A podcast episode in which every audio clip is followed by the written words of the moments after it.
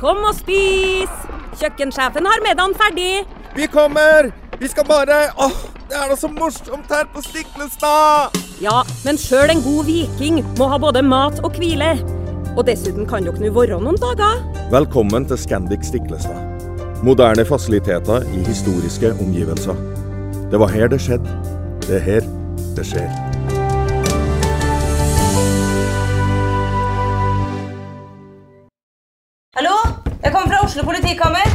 Ine Jansen er purk. Er du purk? The motherfucking bitch. Alt jeg vil, er å finne ut hva som skjedde med mannen min. Jon Carew. Er jeg sikta for noe? Iben Akeli. Det er du. Ole So, Lars Berrum og Big Daddy Karsten. Hvem sin side er du på, egentlig? Anette Hoff, Tone Danielsen, Kommer du fra Afrika? Jørnis Josef, Nesten. Kløfta. Trond Espen Seim, Det er synd å si det, men det var feil mann som døde. Purk. Premiere tirsdag på TV2 Play.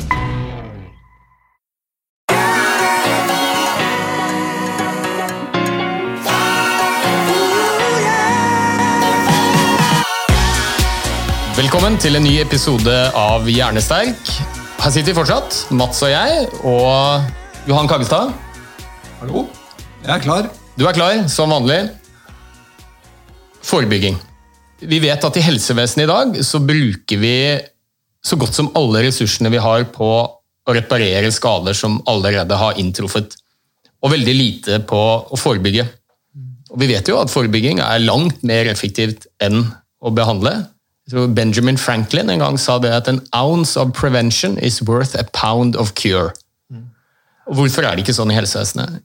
Jeg pleier å si at uh, vi har egentlig ikke et helsevesen i Norge, vi har et sykevesen. Vi bruker nesten alle, alle midler til å reparere skader som allerede er sier inntruffet. når du sier det offentlig, hva sier folk da?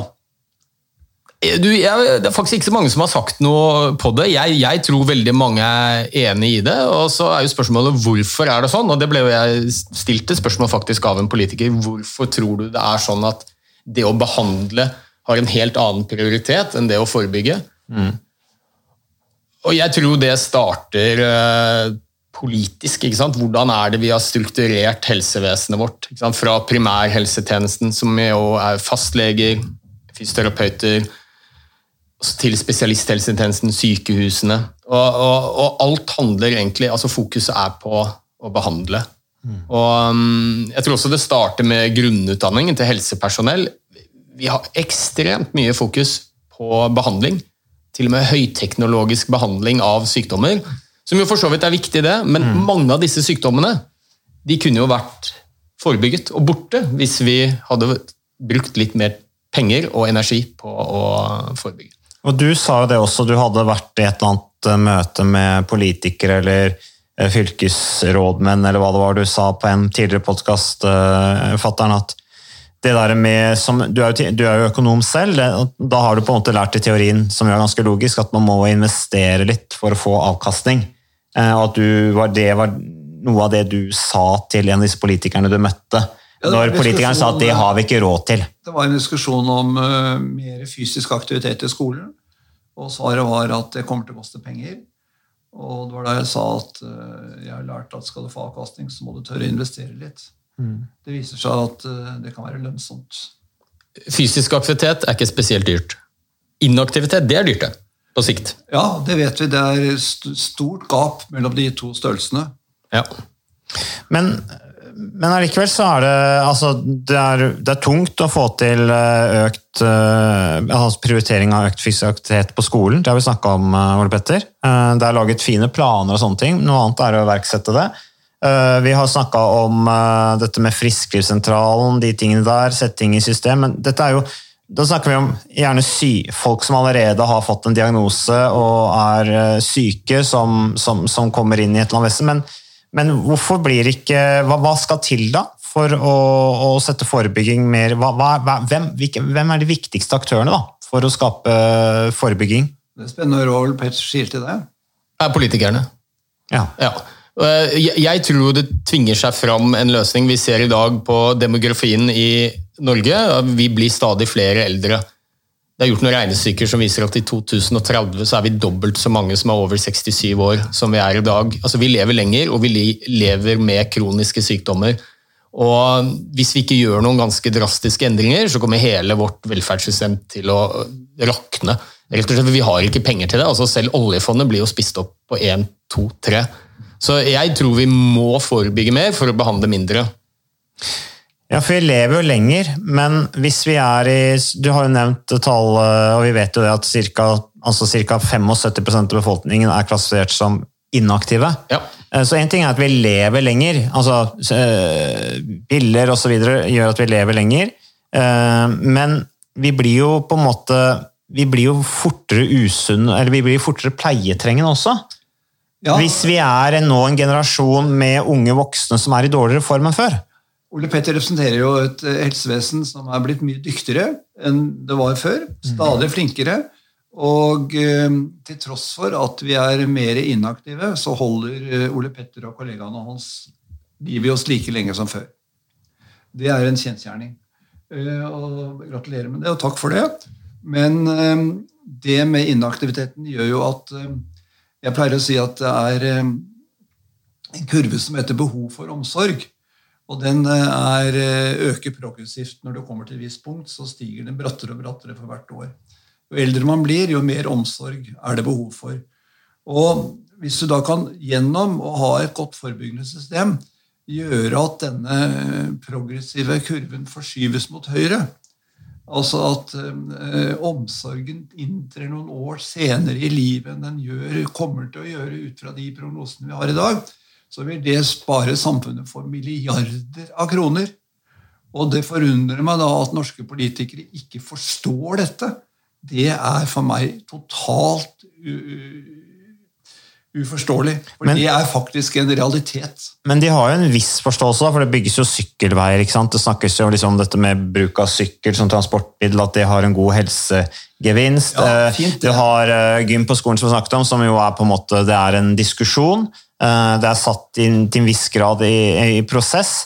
Uh, du har I næringslivet så har du arbeidsmiljølov som liksom, hvor det i hvert fall står at arbeidsgiver skal vurdere å sette i gang tiltak for å stimulere til økt fysisk aktivitet på arbeidsplassen, det har jo en viss eh, forebyggende effekt. Det er jo på en måte politikerstyrt, sånne type arbeidsmiljølover og tiltak som sykkelveier osv. Men det jeg mener er eh, Jeg savner denne helhetsorganiseringen som gjør at, vi, at det er et system på at vi utsetter eh, behovet for omsorg for der, der, ligger det ganske mange milliarder. Og så har du det rent sosiale, eh, miljømessige det også. At når folk blir sjuke, så går det utover de andre medlemmene i familien, eller de man er i nær nærkontakt med. De påvirkes også av den sykdommen. I aller høyeste grad. Så det er ikke bare den som er pasient, som lider, men det er også de rundt som belastes i forbindelse med et sykdom. Så kan man utsette dette så vil det gi som sagt store gevinster. Men jeg tror dette er et organisatorisk eh, spørsmål. Det er fint med sykkelveier, og det er fint at vi gjør alle de tingene der. Men, men eh, jeg er mer opptatt av det rent formelle organiseringen. At man ser dette som en eh, kan du si, friskvernskjede. da, Hvor det å behandle syke folk også inngår i dette. Men hva skjer med syke folk når de er blitt behandlet? Hvordan forebygger vi videre sykdommer, f.eks. Mm. Mm. Ja, og der er det det oppfølging da, av f.eks. Eh, som vi har snakka mye om, Modum Bad. Hva skjer med en pasient når pasienten er ferdigbehandlet på Modum Bad eh, og da kommer hjem? Eh, og hvor godt er det satt i system? Ole Petter, når du var tidligere fastlege, du fikk pasienter som hadde problemer, og du er jo opptatt av helheten, så du foreslo fysisk trening. Du har jo også en av de få legene som har, har etablerte treningsgrupper osv. Men det er jo, det er jo sjeldent, sjelden praksis. Ja, og Dette er jo selvfølgelig en liten skala, her snakker vi om 50 pasienter. Uh, og Det har jo stor betydning for disse pasientene, selvfølgelig. Men hvis vi tenker som folkehelseperspektiv, da, hvordan skal vi bedre folkehelsen? At flest mulig lever friskest mulig lengst mulig. Det er jo det vi ønsker. I dag så er det jo sånn at uh, det vi dør av i dag, det er gjerne kroniske livsstilssykdommer hjerte-karsykdom, diabetes type 2 osv. Som i stor grad kan forebygges. Eh, og, og, så er det veldig mye snakk om helsevesenet, men det er jo noe som heter 80-20-regelen. Vet ikke om du har hørt om den? Jeg har hørt om det i mange sammenhenger, men uh, Ja, og den, den, sier jo noe om at 80% av helsa vår den skapes utenfor helsevesenet. Ikke sant? Og så det, så helsevesenet er kanskje ikke det viktigste. Jeg tror jo at hvis vi skal virkelig ta noen grep om den norske folkehelsa, så handler det først og fremst om samfunnet vi bor i, som politikerne jo i stor grad styrer. Altså det å det er jo menneskets eh, skal vi si for noe, Det er vårt ansvar å ta gode valg i egne liv for å leve sunnest og friskest og lengst mulig. Men politikerne kan virkelig bidra til at det blir lettere å ta de gode valgene. Og Det handler litt sånn som du sier, samfunnsstruktur. I dag så har vi et samfunn som er bygget for inaktivitet. Altså, vi trenger jo lenge, ikke lenger å bevege oss. Vi har alle mulige hjelpemidler, og folk beveger seg altfor lite. Så Det handler sant, om å bygge sykkelveier, grønne lunger, ikke bare parkeringshus. Vi kan subsidiere sunn mat i mye større grad enn vi gjør i dag, så det blir litt lettere å ta de gode valgene som vi vet er bra for oss. Eh, og Det er jo til og med sånn at vi har bygget et eh, litt sånn bevegelsesfiendtlig samfunn. Eh, vi legger kjøpesentre langt unna der folk bor, sykehus langt unna der folk bor. Så du må kjøre bil for å komme, komme deg dit. Så Det tenker jeg er det ene. Og så er det jo noe med lovverk. Vi vet at røykeloven kanskje har vært det viktigste folkehelsetiltaket i moderne tid. Vi har gått fra å være over 30% daglige røykere til under 10% i løpet av noen tiår. Så lovverk, og da tenker jeg spesielt på skolen, gjør det obligatorisk med mer bevegelse i skolen. En litt annen pedagogisk modell. Rimelig, vanvittig avkastning økonomisk. Aktive barn blir gjerne aktive voksne også. Så det er jo noe av det vi kan gjøre samfunnsmessig. Og så er det jo helsevesenet vårt. Vi har en fastlegetjeneste som er laget for å reparere mer enn for å forebygge. Mm. Mange pasienter, dårlig tid, leger som har hatt altfor lite om det å forebygge. Vi lærer masse om avanserte prosedyrer og, eh, som, som, er viktig for enkeltindividene, men som gjør minimalt for folkehelsa. Men hva med idretten, da? For det, idretten har jo også sånn tradisjonelt sett uh, hatt det er den viktigste samfunnsfunksjonen til idretten. handler om folkehelse. I hvilken grad lykkes uh, idretten med det? Du, begge dere to, alle, alle vi tre, kommer jo fra idretten. Ja, jeg tror idretten i begrenset grad i dag lykkes med det. Fordi idretten er blitt eh, eh, veldig kommersiell. Den er eh, blitt veldig prestasjonsorientert allerede i yngre aldersgrupper. Eh, veldig spesialisert. Og det gjør at den skyver fra seg en del eh, ungdommer. Eh, så jeg tror idretten har en god vei å gå. Skal den bli, bli en den viktige faktoren den kan bli på folkehelse. Og folkehelsen er faktisk det burde være det viktigste idretten hadde, eller være primærmålsettingen til idretten. Så er dette med konkurranseaktivitet én del av virksomheten. Men, men eh, jeg opplever at det brukes mye økonomi på eh, konkurranseaktivitet i relativt yngre årsklasser. Eh, yngre aldersgrupper det tror jeg ikke er noe særlig bra. Så jeg savner den derre Kall det gjerne leken. og Jeg er veldig enig i Ole Petterson kaller det ikke bruk ordet trening så veldig mye. Bruk ordet aktivitet. Nei, Trening er å bli et motord. Ja, men det, det skremmer så mm. veldig mange mennesker som ikke har den gode opplevelsen med idretten. De, de føler at når det kommer ordet trening, så er det noe tvangspreg. Ja, ja.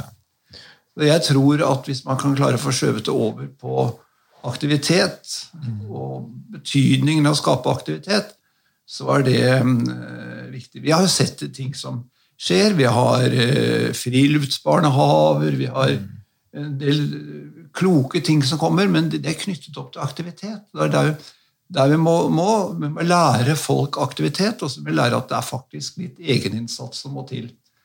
Og Jeg holder en gang iblant noen foredrag for leger som heter 'Hvordan forstår pasienten det du sier?' Og, og snakker jeg litt om hvordan legger dere en ansvar for, eh, for pasientens utvikling eh, hos pasienten? Spør dere pasienten hvordan ønsker dere at, hvordan ønsker du at du kan se deg selv om et år eller to? Eh, hvis det er annerledes enn i dag, hvilke endringer er det du må gjøre for å komme dit? Eh, og bli enig da Hva kan du gjøre, pasient, hva kan jeg få, forventer du av meg som fastlegen din eller spesialisten din? Eh, at man blir enig om noe rasjonelt og fornuftig der. Men at man, neste gang jeg kommer til legen, så spør legen meg hvordan gikk det med det vi ble enige om, Johan? Det, du ble enige om at du skulle mosjonere tre ganger i uken av 22 minutter. Mm. Hvordan går det? Nei, det går ikke noe særlig bra, sier jeg, for det er jo jævlig kjedelig. Ja, men da har du valgt, faktisk, sier jeg som lege, da har du valgt at uh, å stå på stedet hvil, eller at situasjonen forverrer seg. Men det er frivillig. Men hvor mange leger tør å legge igjen det ansvaret hos pasientene? Dette her er en slags sånn form for kognitiv atferdsterapi? Ja, jeg sier til leger, dere er jo coacher, dere er jo trenere. Du er jo fastlege, tidligere fastlege Ole Petter. Eh, har du hatt sånne samtaler før? Eller? Ja da, mange. Vi, vi, blir nok mest tenkt på som behandlere. Kanskje mer enn veiledere og um... ja, Jeg forventer at du skal løse alle mine problemer. Jo, men det er jo mange som tenker ja. det. ikke sant? Jeg er inaktiv. Doktor, hjelp meg. Mm. Ja. Uh, og, så ser vi at de metodene vi ofte bruker til, med å snakke med pasienten ja, og fortelle hvor viktig det er uh, Den lysere pillen jeg får på apoteket, den hadde kompisen min. Han ble kjempesprek. Ja, ja. Men jeg tenkte litt på det du sa om med toppidrett, som var spørsmålet du stilte, Mats. Og jeg er mm. veldig enig med Johan at jeg tror toppidretten har en begrenset effekt når det gjelder folkehelse. Vi er jo veldig glad i toppidrett, det er jo en del av vår nasjonale identitet. og Det er spennende. Det skal jo inspirere. Ja da. Men jeg ser jo det liksom på grasrotnivå, da, selv jeg er fotballtrener. Og Vi har jo et sånt motto 'flest mulig, lengst mulig'. Ja. Ha med flest mulig så lengst mulig. Og da, da, kan du ikke drive og toppe for mye. Jeg ser jo noen klubber sant, hvor de begynner å toppe fotballagene allerede i syv-åtte års alder. Og hva skjer med en syv-åtte-niåring som ikke kommer med på førstelaget? Da mister de motet, og så begynner de å game. Ja. Utviklingsmessig, forebyggingsmessig, så er det synd. For den unge gutten. Og for samfunnet, ikke minst. da. Ja. Eh, men jeg tenker, nå har jo Tore Øvrebø og norsk toppidrett nå er jo offensive i forhold til at de mener de ikke får nok støtte, fordi at OL i Tokyo ble jo avlyst. Dermed så havner det mange utøvere i sånn vakuum med da et mellomår som de egentlig ikke har budsjettert. Eh, og så får de ikke enden til å møtes, og så er det mye snakk om nå at utøvere i dag lever på fattigdomsgrensa og sånne ting. Eh, men er det, god, er det, en god investering? Da, de, da ønsker jo Norsk Toppidrett ønsker økte bevilgninger fra det offentlige. Er det en god investering? Det er frivillig å drive toppidrett. Ja. Så hvis du ikke får det til å gå rundt, så får du finne på noe annet sted. da. Uh, ja, men Hvis den toppidrettsutøveren fortsetter da, å få rammer som gjør at den vedkommende blir mer motivert til å fortsette, og kanskje til og med gjør det veldig bra, så har vi jo sett at hvis det er, når det er utøvere som gjør det veldig bra, så skaper jo det engasjement ja, nede på grasrota. Og det er jo målet til, det er målet til myndighetene. Unnskyld at jeg avbryter, men jeg er ikke sikker på om det skaper folkehelse.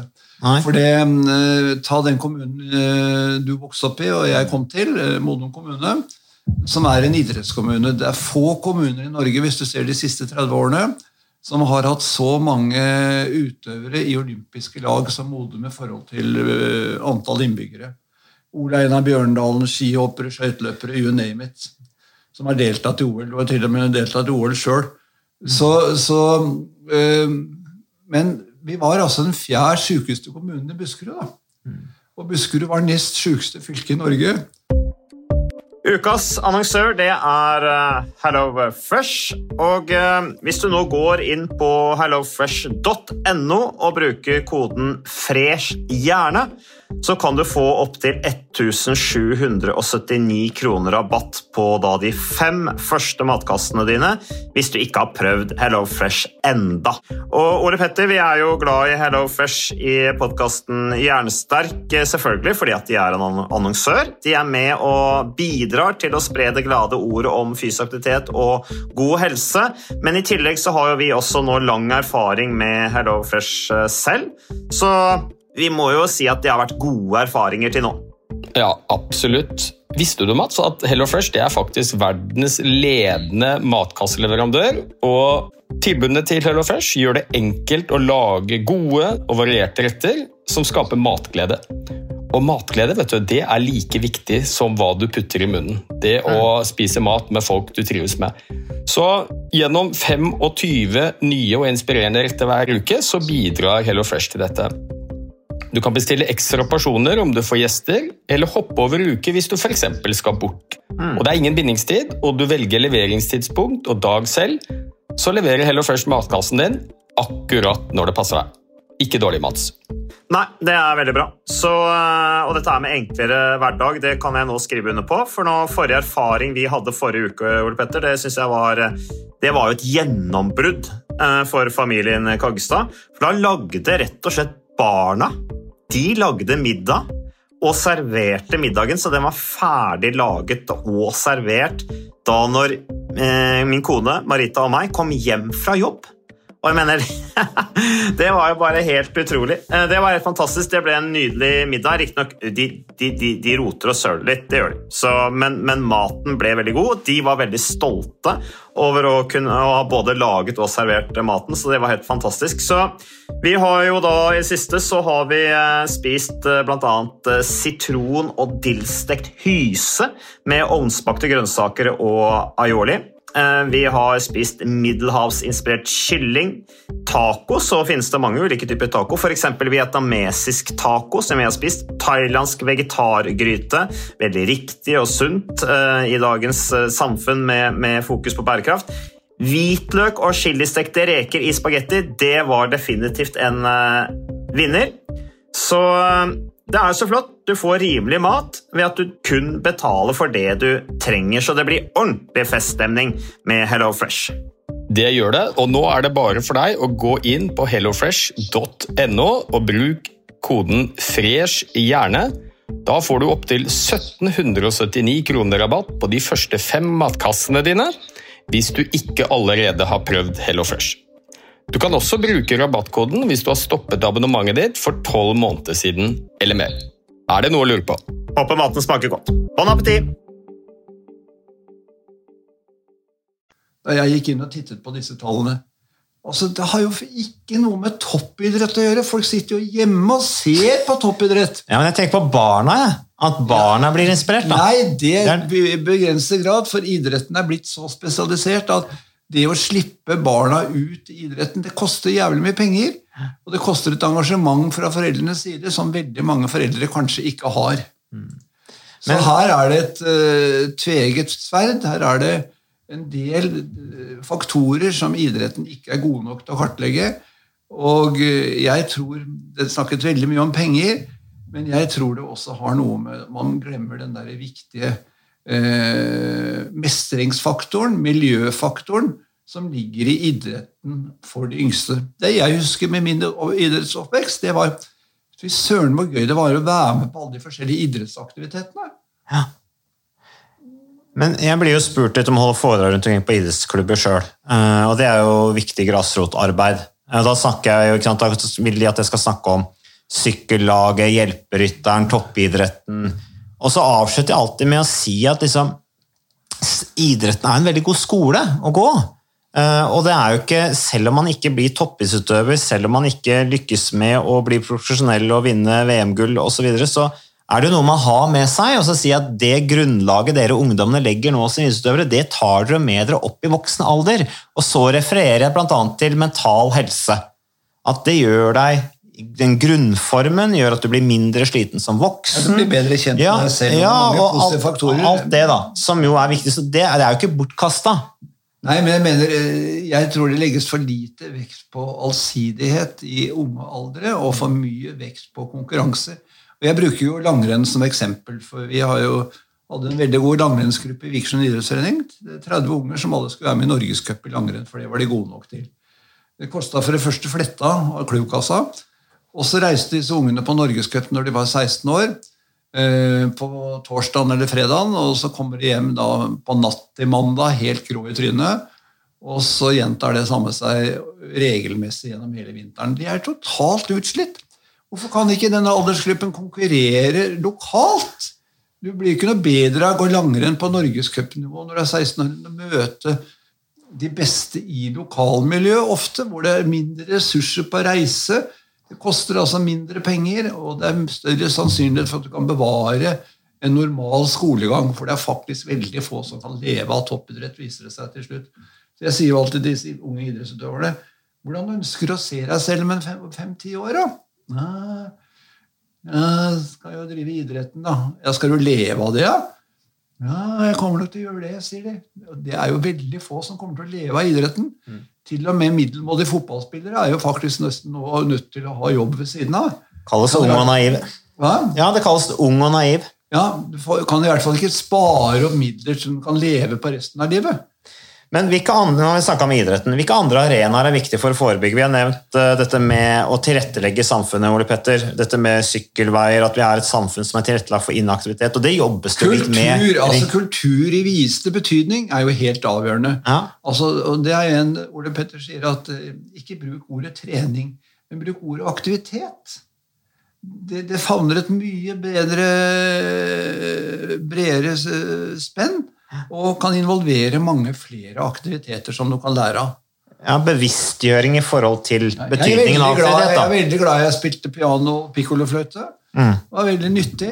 Du sykla eller sikkert gikk til og fra Jeg øvelser. og- til øvelsene. Mm. Så det er kanskje litt Men det er jo selvfølgelig fordi jeg er så drita gammel. Ole Petter? Ja, jeg, jeg begynte i sted, og så snakket jeg litt om helsevesenets betydning. da, ikke sant, 80-20, At veldig mye av helsen vår skapes utenfor helsevesenet, men helsevesenet er jo selvfølgelig viktig også. Og Da var jeg inne på fastlegeordningen, som ikke er designet for forebygging. Det er, det er behandling. ikke sant? Det er samlebånd. Ja, Sykevesenet, som du sier. Sykevesenet, og det, det er jo noen politiske grep som må gjøres. Eh, For det første få inn mer forebygging i utdanningen av helsepersonell, hvor viktig det er. Og, og også legge forholdene til rette for at man faktisk har tid, og at det er økonomisk like gunstig å forebygge, hjelpe pasientene med det, som å behandle. Og Så kommer vi jo til sykehuset. Og i dag så er det jo sånn Nå er jo ikke sykehus sykehus lenger, det er jo bedrifter. Det er dette New Public Management, og snart er det jo like mange økonomer ansatt i helseforetakene, iallfall lønnsmessig, som det er leger. Og det er liksom, Hvem er vi egentlig her for? Er det pasientene, eller skal vi tjene penger?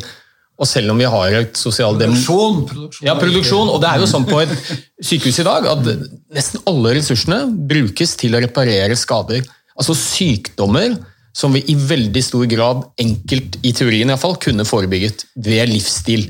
Og så er jo Sykehusene også laget sånn at det er noe som heter stykkprisfinansiering. og det er forskjellige koder, så Sykehusene tjener veldig mye mer penger på å operere for eksempel, og gjøre avanserte prosedyrer enn å forebygge. Forebygging er helt nederst på rangstigen i utdanningen av helsepersonell, i forskning og også i sykehusvesenet vårt.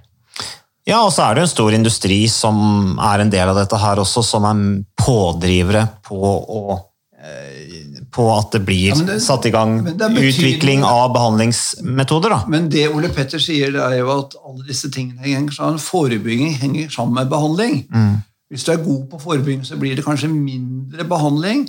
Og øh, da kan du bruke mindre økonomi på disse kompliserte behandlingssystemene.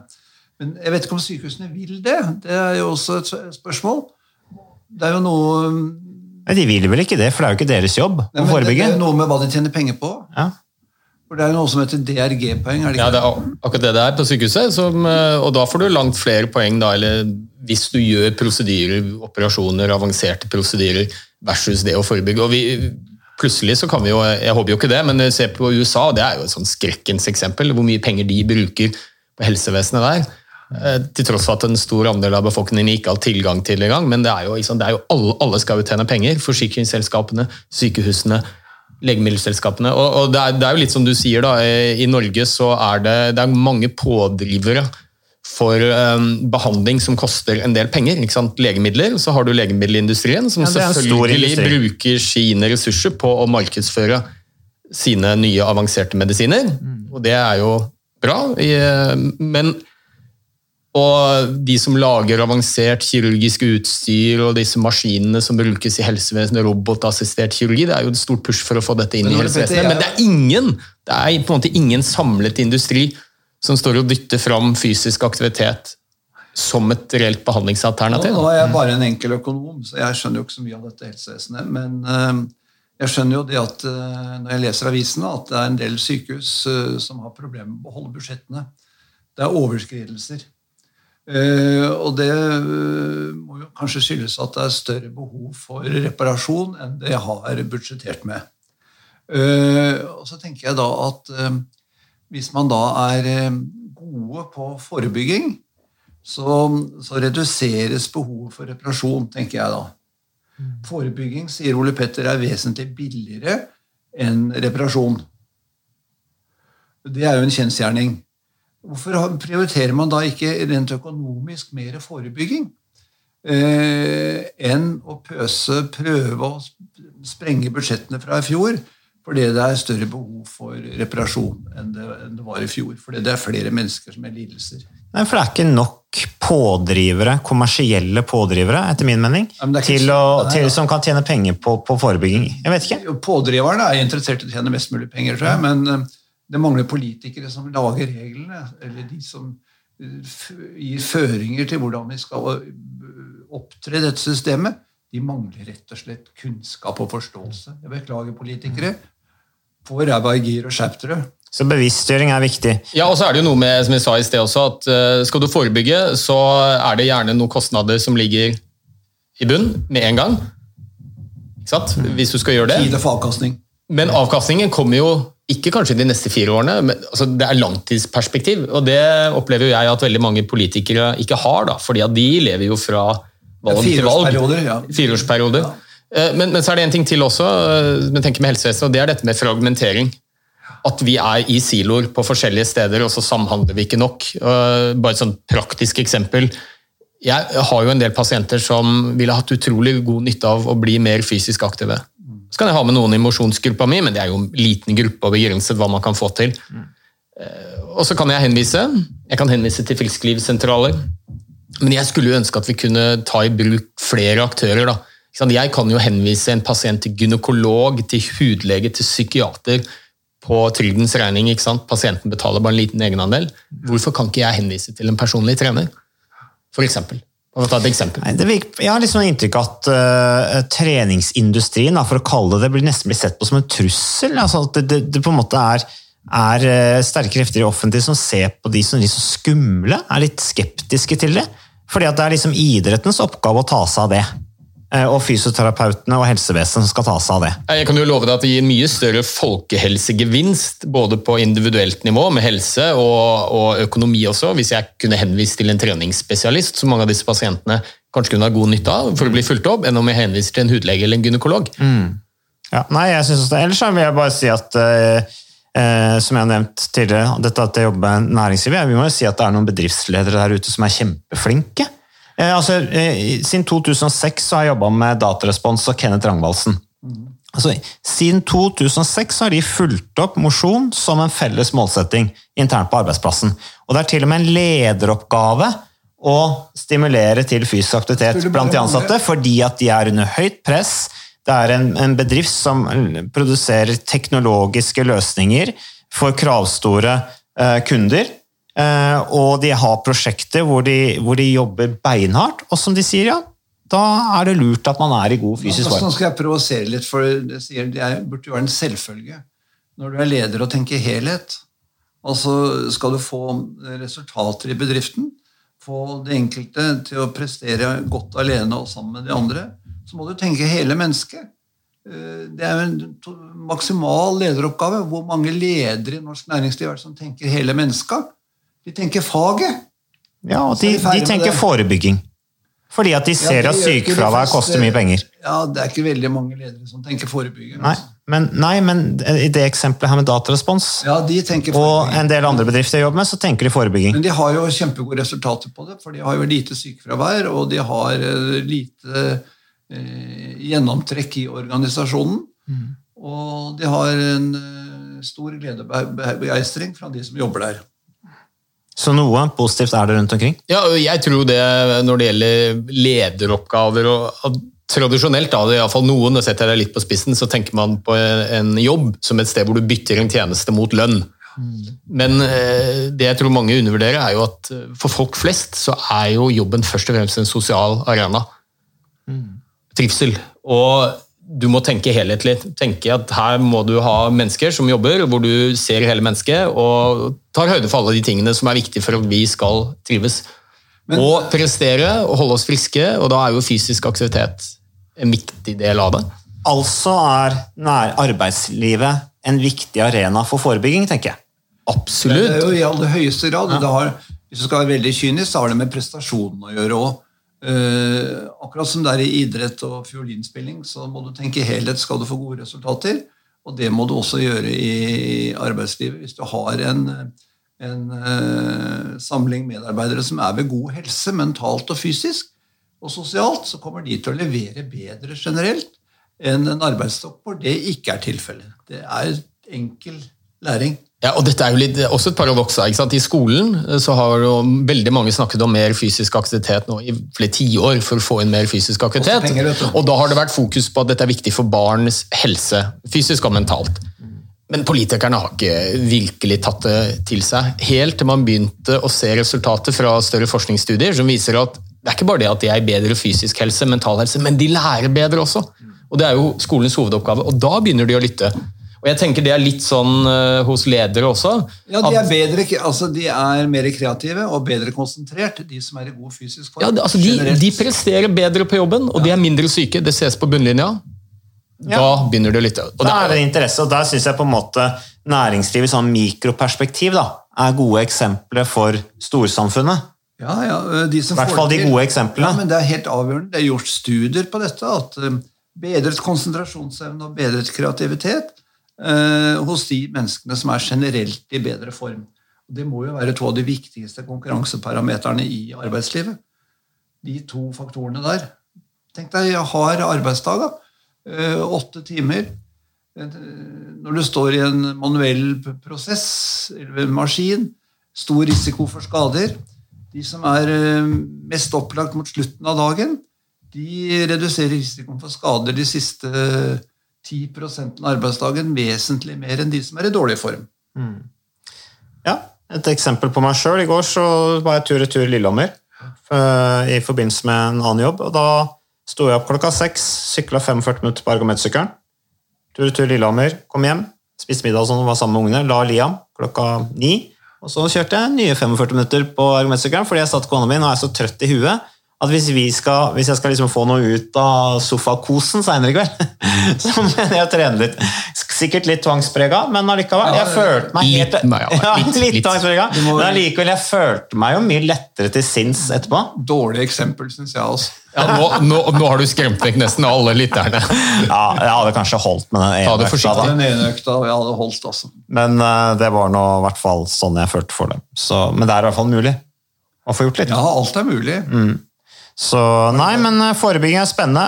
Um, Ole Petter, skal vi ta oss og avslutte der? Ja, Hva er utfordringen med å bli bedre på forebygging i det norske samfunn? Du kan konkludere, du, Nei, Det overlater jeg til eh, Ole Petter. Ja, skal jeg konkludere? Ja, jeg har vel egentlig gjort det litt. Jeg tror jo at det aller viktigste er politiske grep. Hvis du skal bedre folkehelsa. Og det, det handler jo om hvordan samfunnet, altså hva slags samfunn ønsker vi. Um, et samfunn som eh, stimulerer til å ta gode valg, som vi individene må, og så må vi ha et helsevesen som er mer fokusert på e, hele mennesket, og, og ikke minst det forebyggende perspektivet. Men jeg jeg ja. tror det er vi, vi, er et stykke unna. Det er jo sånn rivende teknologisk utvikling, utvikling også. Vi har jo fått så utrolig mye avanserte behandlingsmetoder som er på full fart inn i helsevesenet, som, som er viktig for enkeltindividene, men så mye marginalt for folkehelsa.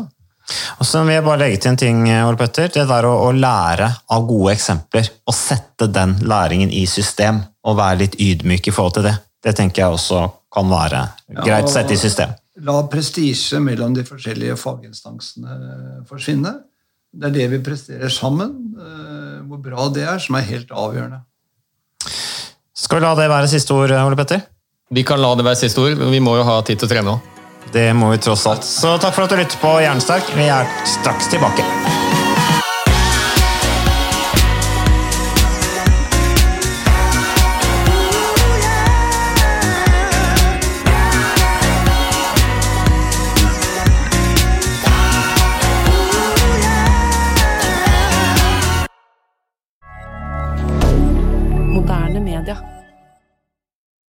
Har du et enkeltpersonforetak eller en liten bedrift? Da er du sikkert lei av å høre meg snakke om hvor enkelt det er med kvitteringer og bilag i fiken, så vi eh, gir oss her, vi. Fordi vi liker enkelt. Fiken superenkelt regnskap.